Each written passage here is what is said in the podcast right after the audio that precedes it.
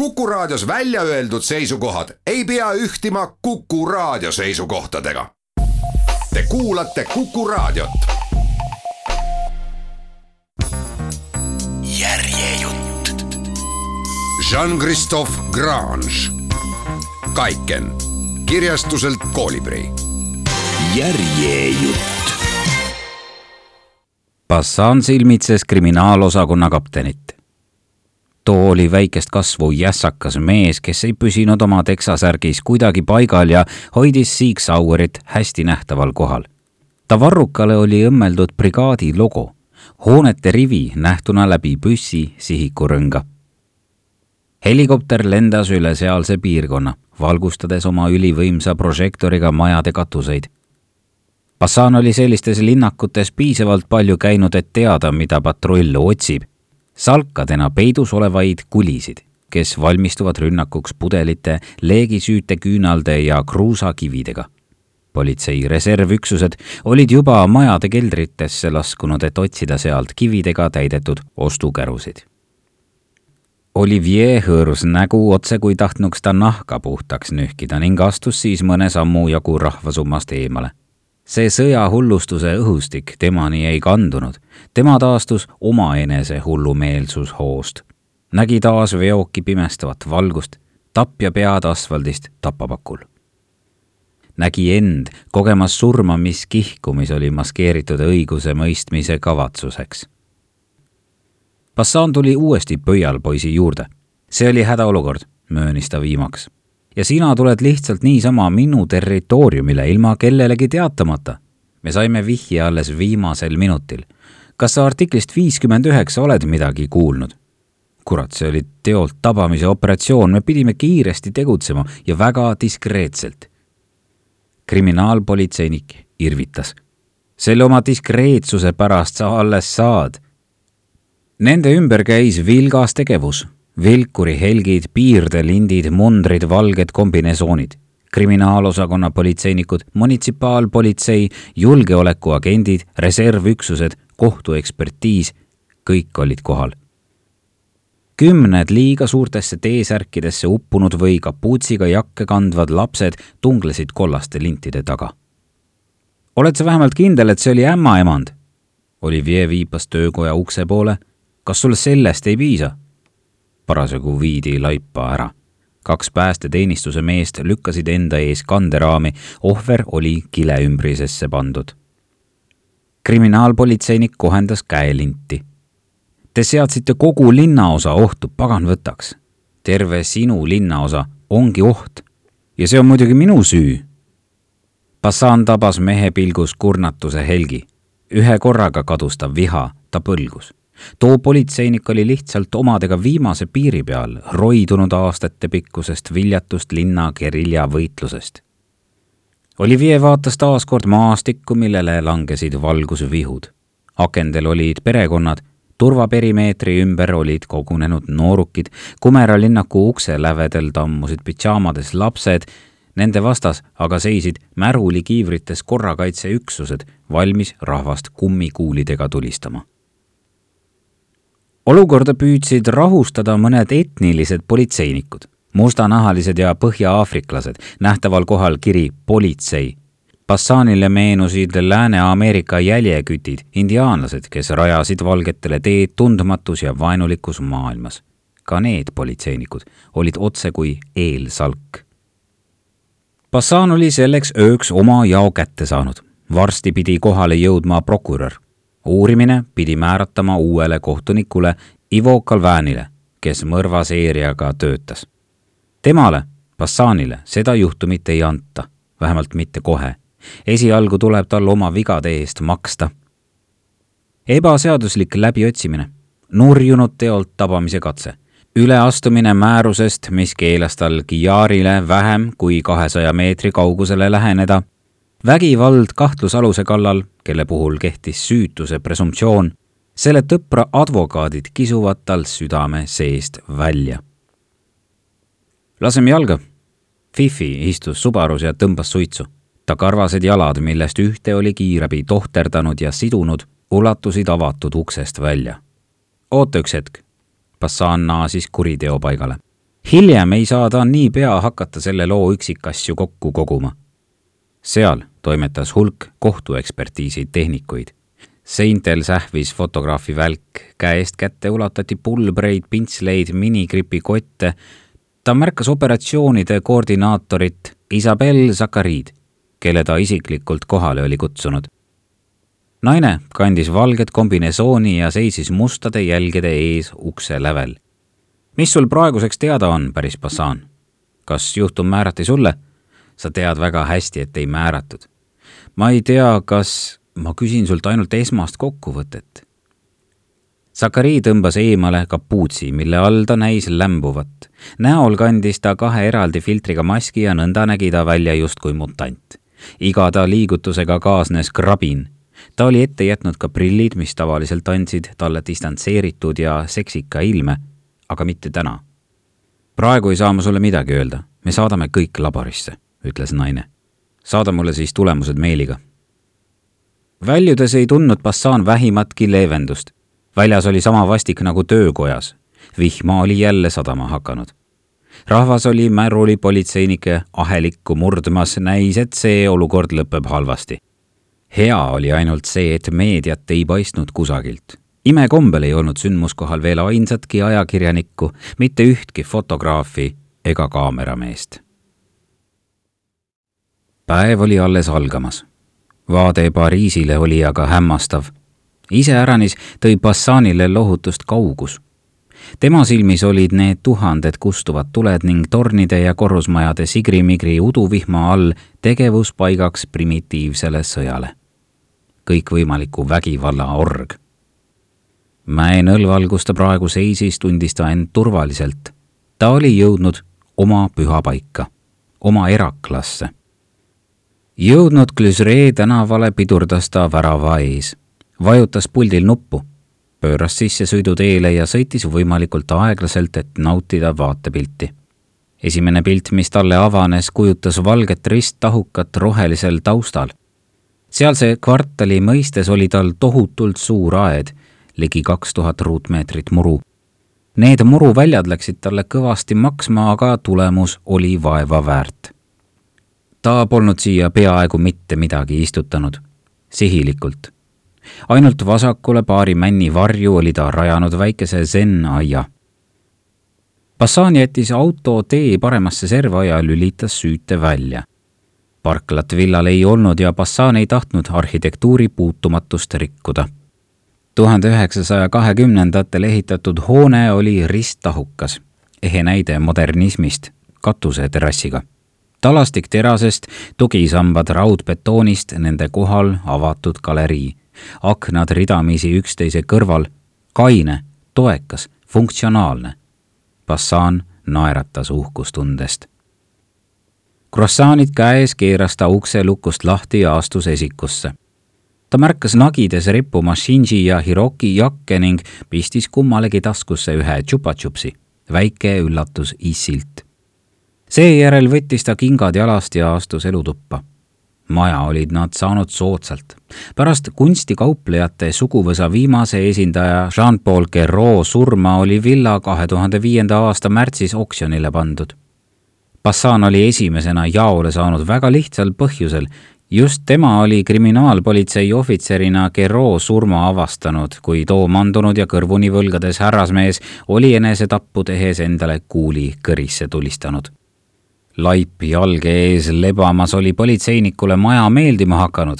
ta käis kõik toad läbi, pööramata suuremat tähelepanu nende armetule seisundile pärijast oli saanud paadialune, skvotter omaenda kodus Bassan aga hakkas kujutlema, mida ta seal teha saaks. ost sai võimalikuks tänu Naokole.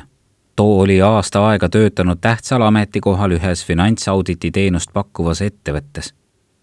Pealegi olid tema modelliaastad võimaldanud väikest viisi kapitalisääste ja ta Tokyo kinnisvaraomanikest vanemad kinkisid talle samuti teatava summa ja kuigi Naoko panus oli palju suurem kui Bassani oma, oli naine allkirjastanud lepingu kahe võrdse osaga ühisomandile. vastutasuks pidi Bassan võtma isiklikult enda kanda võimalikult suure osa renoveerimistöödest. ta oligi tööle asunud. Tundega, et töötab omaenda perekonna tugevdamise nimel, et ta toestab füüsiliselt oma perekonna vundamenti. Bassan kaitses nende armastust väliste rünnete eest, kulumise, erosiooni eest. see meetod aga ei toiminud. Villa ise oli küll kõigile rünnakutele vastu pannud, aga neid endid ei olnud maja suutnud kaitsta. Bassan suundus kööki korraga raputas teda miski ja ta pidi ääre pealt kukkuma. Diego oli talle vastu tulnud. Pürenee mäestiku koer, hiiglaslik hall loom, kes elanuks meelsamini karjamaa nõlval lambakarja juures. Bassan näitas nüüdki koera vastu üles harjumuspärast armastust. kui Naoko seda koera osta tahtis, oli Bassan sellele alguses vastu seisnud. tavalise kodanlasperekonna kutsu nüüdseks aga oli Diegost saanud ainus asi, mille suhtes nad üksmeelel olid. ole vakka, Diego, sosistas Bassan, äratad veel kõik üles. ta haaras kurassaanide jaoks leivakorvi ja asetas pika saia lauale nähtavale kohale. seejärel tõstis ta välja ruudulised nõud, laste jaoks kausid, millele oli kantud Jaapani kalligraafias kummagi eesnimi ja Naoko jaoks lakitud tass, kus too tavatses piimaga teed juua. Moos, müsli apelsinimahl. Need üksildased liigutused teda ei kurvastanud. juba ammu ei olnud ta oma naise ja lastega koos hommikust söönud. ta hakkas juba köögist lahkuma, kuid peatus tahes-tahtmata seinale riputatud fotode ees. et neid paremini näha, süütas ta tule ja ta pilk peatus pildil, kus tema ja Naoko olid kaheksa aastat tagasi Kiyomizu Tera templi kõrgel terrassil Kyoto lähedal tema näol oli peale sunnitud naeratus ja ta ilme oli kange nagu tung raual. Naoko aga seisis kaunis kolmveerand profiilis. see oli tema kui modelli ametialane refleks. poosist hoolimata õhkus sellest pildist veel nüüdki õnnelikkust ja eelkõige õhkus sellest vastastikust lugupidamist, uhkustunnet koos olemisest. Bassan vaatas järgmist fotot, kaks tuhat üheksa, grupifoto Tokyo trendikas Shibuya kvartalis Bassan hoidis süles nelja-aastast Hirokit. Naoko süles oli kuueaastane Shinji, kes oli oma kaks kätt seadnud võidumärgi ehk V kujuliseks. Nad kõik naersid selle taga, võis aga aimata, et täiskasvanud ei tunne end vabalt, vaid on pinges, et nad on väsinud, frustreeritud. see aga tähendas lihtsalt kulgeva aja metastaase vasakul oli kahe tuhande teise aasta pilt Okinawa rannalt nende pulmareisilt. Bassan oli selle reisi üksikasjad unustanud. ainult see oli tal meeles, kuidas Naoko seisis Roissy lennujaama registreerimislaua ees ja võttis ärevalt välja oma Flying Blue kaardi, et lennukilomeetreid registreerida. Bassanile meenus, et just sel hetkel lennujaamas oli ta enesele tõotanud, et kaitseb seda tüdrukut alati, kuigi too arvas, et suudab vastutust kanda oli ta oma tõotusest kinni pidanud? Bassan kustutas tule, astus läbi elutoa ja laskus oma betoontrepile. oli aeg naasta oma korterisse, suveräänse roti allmaa paleesse. Nad olid kolm tundi mudas trampinud, kolm tundi üha uute vihmahoogude käes. Nad olid näinud hägust Koidu valgust olid näinud piimjat valgust tungimas läbi halli vihmaloori. mingis mõttes tuli halb ilm neile kasuks.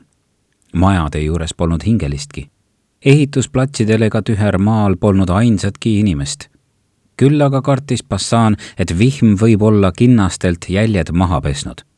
kui nad need kindad muidugi üldse leiavad. esialgu ei olnud nad midagi leidnud Olivier ja Fifi olid alustanud Kiari töökoja ukse juurest, läinud üle ehitusplatsi ja suundunud üle Tühermaa maantee poole. varustanud end koha pealt leitud tööriistadega, Bassanil uukujuline jalgrattalukk, Fifil raadioantenn, kammisid nad pinnast, rehitsesid rohtu, lükkasid prügi kõrvale. külmast ilmast hoolimata oli Bassanil vihmajakiga meeletult palav. ikka ja jälle heitis ta pilke selja taha linnajao lainetavate vallide poole, kartes, et märkab jälle kapuutsidega noorukeid. kambad naasid esimeste linna lähirongidega oma öistelt retkedelt ja kõige hullemad kaklused toimusidki sageli Koidikul. ühtlasi kartis ta, et võib näha kohale tormamas munitsipaalpolitsei patrulli või kriminaalosakonna uurijaid. Bassan ei olnud siin teretulnud. politseinik vaatas kella, kaheksa kümme. Varsti tuleb tal ilmuda kriminaalpolitsei peakorterisse. järjekordne läbikukkumine. ta polnud isegi oma idees kindel. Kiar tuli võib-olla siia tagasi, et kindad ära viia või oli tuul nad kuhugi lennutanud või olid lapsed need üles leidnud ja ära visanud. ala oli küll keelulintidega piiratud, aga sedasorti teavitustest ei pidanud siin keegi kinni, vastupidi. teeme pausi, Bassan noogutas. Fifi istus roostetanud külmikule ja tõmbas välja hõbedase plasku. ta keeras sellelt korgi maha ja ulatas ülemuse poole. too keeldus. punkar võttis väikese lonksu sa peaksid kogu sellest kraamist loobuma, soovitas Bassan. sa oled omadega juba päris piiri peal. Fifi puhkes põgusalt naerma. pime juhib jalutut. mida sa sellega öelda tahad? sa võid ju korralikku mängida, aga ise oled omadega läbi. ikka ei saa aru. Selles ämma-emanda loos ei ole sul enam miski kontrolli all. Bassan ronis mopeedi raamile, millel rattaid enam ei olnud ja mis oli mulla sisse seisma torgatud ma lihtsalt tahan töö lõpule viia, kogu lugu. kogu lugu, lintsid kutti, laamendad kohtuniku juures, otsid ao valges latekskindaid, nitriilkindaid, mida iganes, mingil paganama tühermaal ja täiesti illegaalselt. sa peaksid lahkumisavalduse sisse andma, nii läheks kiiremini. Kapten tõmbas pea sügavamale kapuutsi sisse, uduvihm tikkus ihu ligi. kui sa töötuks jääd, jätkas Fifi, kuidas sa siis alimente maksad? mingeid alimente ei tulegi. tohoh. Nauko teenib minust rohkem ja lapsi hoiame kordamööda. punkar noogutas, rüüpas veel sõõmu ja ohkas siis rahuldustundest, just nagu oleks ta terve aastapikkuse janu kustutanud. sellega on sama lugu nagu majagagi, jätkas ta kähedal häälel. hakkad elama kaasomanikuna. projekt missugune, jälle Naoko idee, jah? üldsegi mitte, miks sa küsid? jaapanlased on teistsugused, seda teavad ju kõik. sa ise oled mulle ka alati öelnud, et Naoko on eriline. mina ja ütlesin midagi sellist, teeskles Bassan üllatust. too mulle mõni näide. ta on lastega ülikarm. ei ole ülikarm, ta on range, kogu lugu, ja see on nende endi hüvanguks. Sa ei saanud isegi nende sünni juures olla, hüüdis Fifi, just nagu oleks talle meenunud otsustav argument Bassan ei osanud sellist järsku hoopi oodata. ta tahtis oma kodumaal sünnitada, möönis ta mõne hetke pärast, et lapsed saaksid Jaapani kodakondsuse. mina austasin tema otsust. punkar avaldas veel tugevamat survet, aga ta sõitis sinna ilma sinuta. Bassan muutus süngeks. ta kahetses, et oli sellest saladusest Fifile rääkinud. Ta tahtis oma perekonna juures olla, urises ta vastuseks ütles, et sünnitus on väga intiimne asi ning et tal on ema juuresolekut vaja. mina poleks töö pärast nagunii saanud temaga kaasa minna. Fifi sirutas käed välja just nagu ilmestades, et asi on ilmselge. ühesõnaga, ta on eriline. lause katkestas mobiiltelefoni heli. ühe käe liigutusega võttis ta kõne vastu. halloo, mida see pulgakommide lugu tähendab? Naoko ei teretust ega ainsatki lahket sõna. sa käisid täna öösel kodus? ei käinud, ma, ära pea mind lolliks, me leppisime kokku. praegu on minu nädal, sina ei tohi villasse tulla. Bassan ei taibanud midagi. ta püüdis Naokolt selgitust saada. rahune maha ja räägi, mida sa mulle täpselt ette heidad. Seda heidan ette, et sa hiilid öösel koju nagu varas ja poetad meie laste voodisse pulgakomme. heidan ette, et sa ei pea meie kokkulepetest kinni heidan ette, et sa pöörad pahupidi kogu elukorralduse, milles me kokku leppisime. heidan. Bassan ei kuulanudki enam. öösel oli villas käinud sissetungija, tema poegade toas.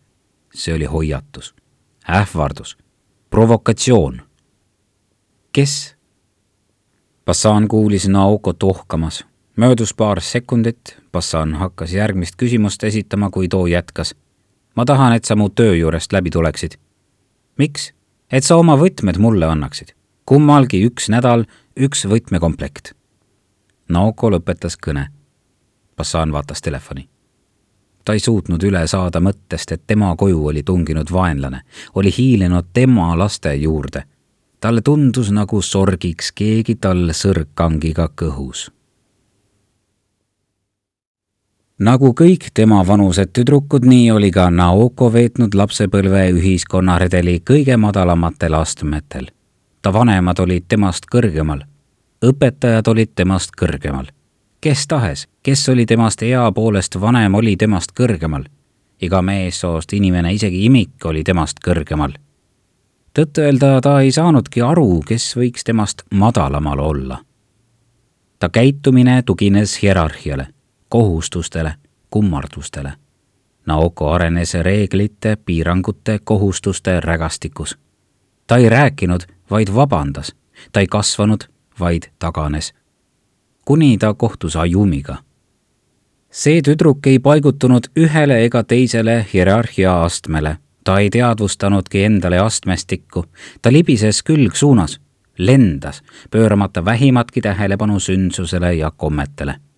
Ayumi oli tumm, mitte kurt, aga lihtsalt tumm.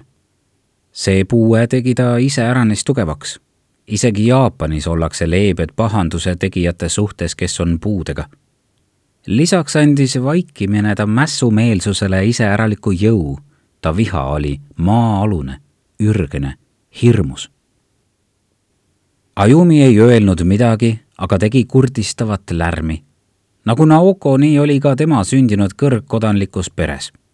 Nende elukäik näis olevat täienisti ette määratud. Nad pidid valima kasuliku ameti, õigusteadus, meditsiin, rahandus aga esimese lapse sündides jääksid nad töölt koju, et laste eest hoolitseda. Ja tõenäoliselt tuleks neil minna korralike naiste kooli, kus õpetatakse laua katmise kunsti, protokolli reegleid, lilleseadet, aianduskunsti, teetseremooniaid. Need omal ajal põlu all olnud õppekavad olid tuhande üheksasaja kaheksakümnendate aastate lõpust saati taas au sees. abieluks oli mitu võimalust kui vanemad valivad klassikalise tee, minnakse omiai ehk organiseeritud abielu teed. Samuti võidi kutsuda appi nakodo ehk mõni naaber või suguvõsa liige, kes oleks kuulnud mõnest huvitavast ja huvitatud noormehest ja kes osapooled omavahel kokku viiks. ja lõpuks olid ka kohtumisklubid ja abieluagentuurid. Neid oli igasuguseid, tasulisi, tasuta, valitud liikmetele, kõigile avatuid ei Naoko ega Ayumi tundnud end nendest kommetest puudutatuna. Nemad naersid anekdoodi üle, mida Jaapanis laialt tuntakse.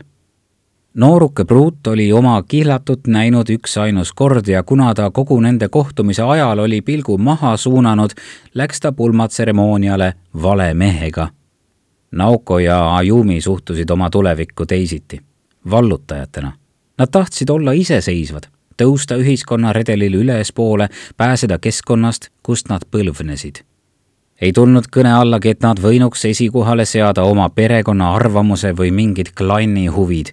ei tulnud kõne alla ka see, et nad võinuks hakata lihtlabasteks abielunaisteks, kes on pühendunud mähkmete vahetamisele. tuli ette võtta korralikud õpingud, saada korralik amet ja asuda elama moodsa aja elu kahe tüdruku olukord ei olnud siiski päris sama. Naokot rõhus autoriteetne isa ja ta ei saanudki loota emantsipeerumist enne seda, kui ta on täitnud eeskujuliku üliõpilase rolli. Ajumi aga elas oma isaga üksinda ja temal oli rohkem vabadust. Ajumi isa oli lesk ja ta polnud kunagi püüdnud uuesti abielluda. ta oli pühendunud oma tummale tütrele. Nende side oli väga tugev, ühtaegu vandeseltslaslik ja saladuslik Ayumi oli kahest tüdrukust ka mässumeelsem ja selles vallas oli ta kõike ka Naokole õpetanud. alustuseks oli Ayumi õpetanud sõbrannale viipekeelt, et nad saaksid omavahel spontaansemalt suhelda. seejärel oli ta selgitanud, et tõeline mässumeelsus ei ole mitte vaenlase tegutsemisega kohaneda, vaid seda lihtsalt täiel määral ignoreerida. käituda nii, nagu vaenlast ei olekski. alles see teeb vabaks ja siis saab kindlaks määrata omaenda tahtmised.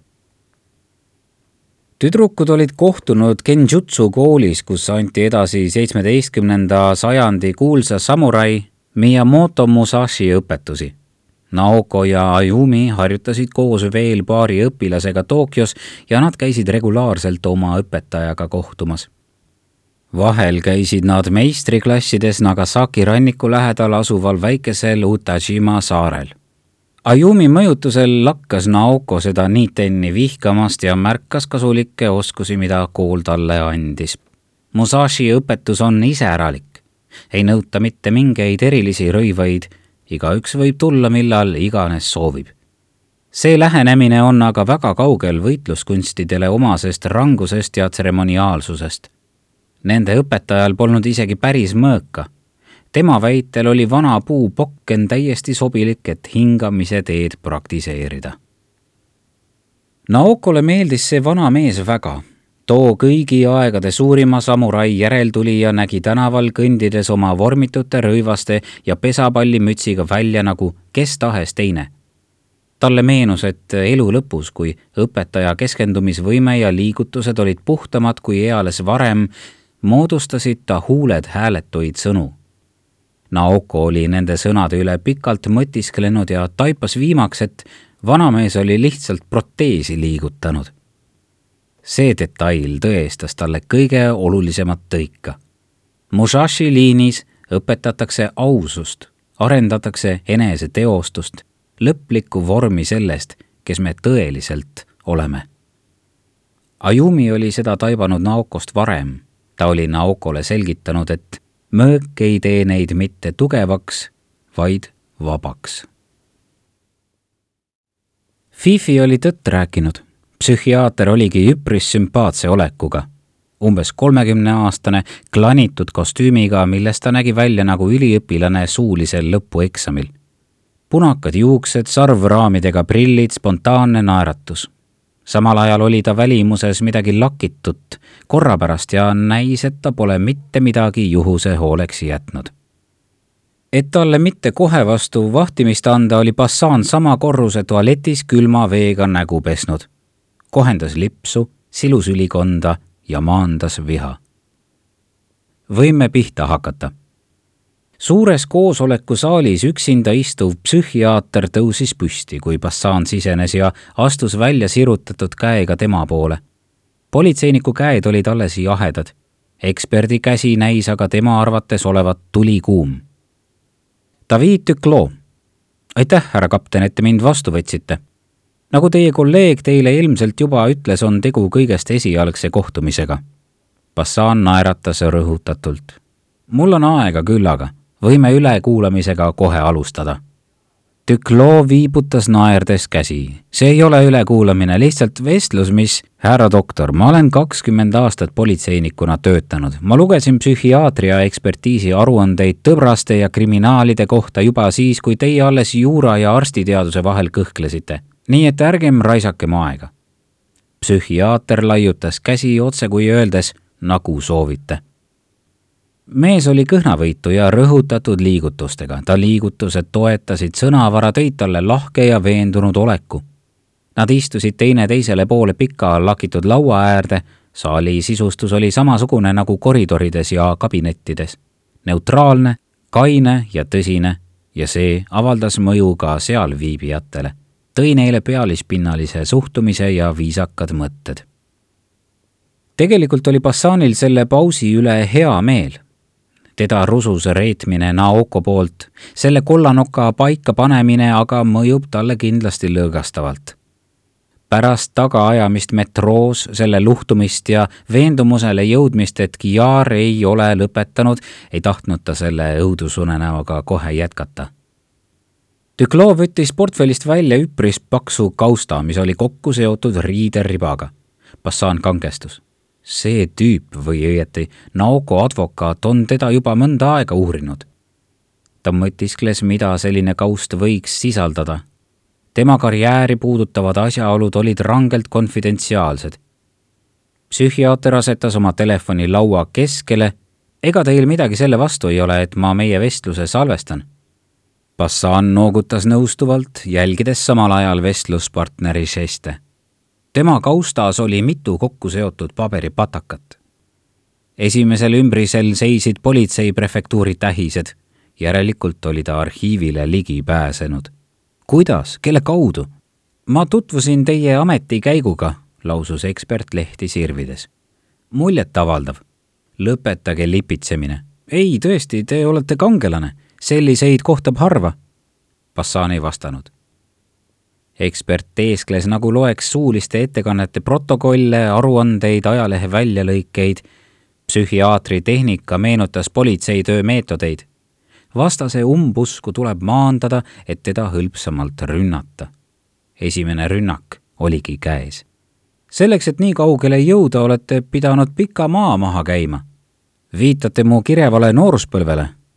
Duclos kohendas prille ja avas järgmise ümbrise Bassan võpatas. seal olid väljavõtted tema lastekaitsetoimikust. kuidas sai see algaja selliseid dokumente hankida? Bassan surus laua all käed rusikasse. praegu pole õige aeg närvi minna. lastekodud, asenduspered, jälgimiskeskused. Teil oli alaealisena korrakaitsejõududega omajagu muresid. pärast seda sekelduste rohket perioodi, jätkas psühhiaater õppisite juurat ja asusite tööle politseisse, hakkasite eeskujulikuks. kas te teete ekspertiisi või psühhoanalüüsi? kuidas te seda kannapööret selgitate?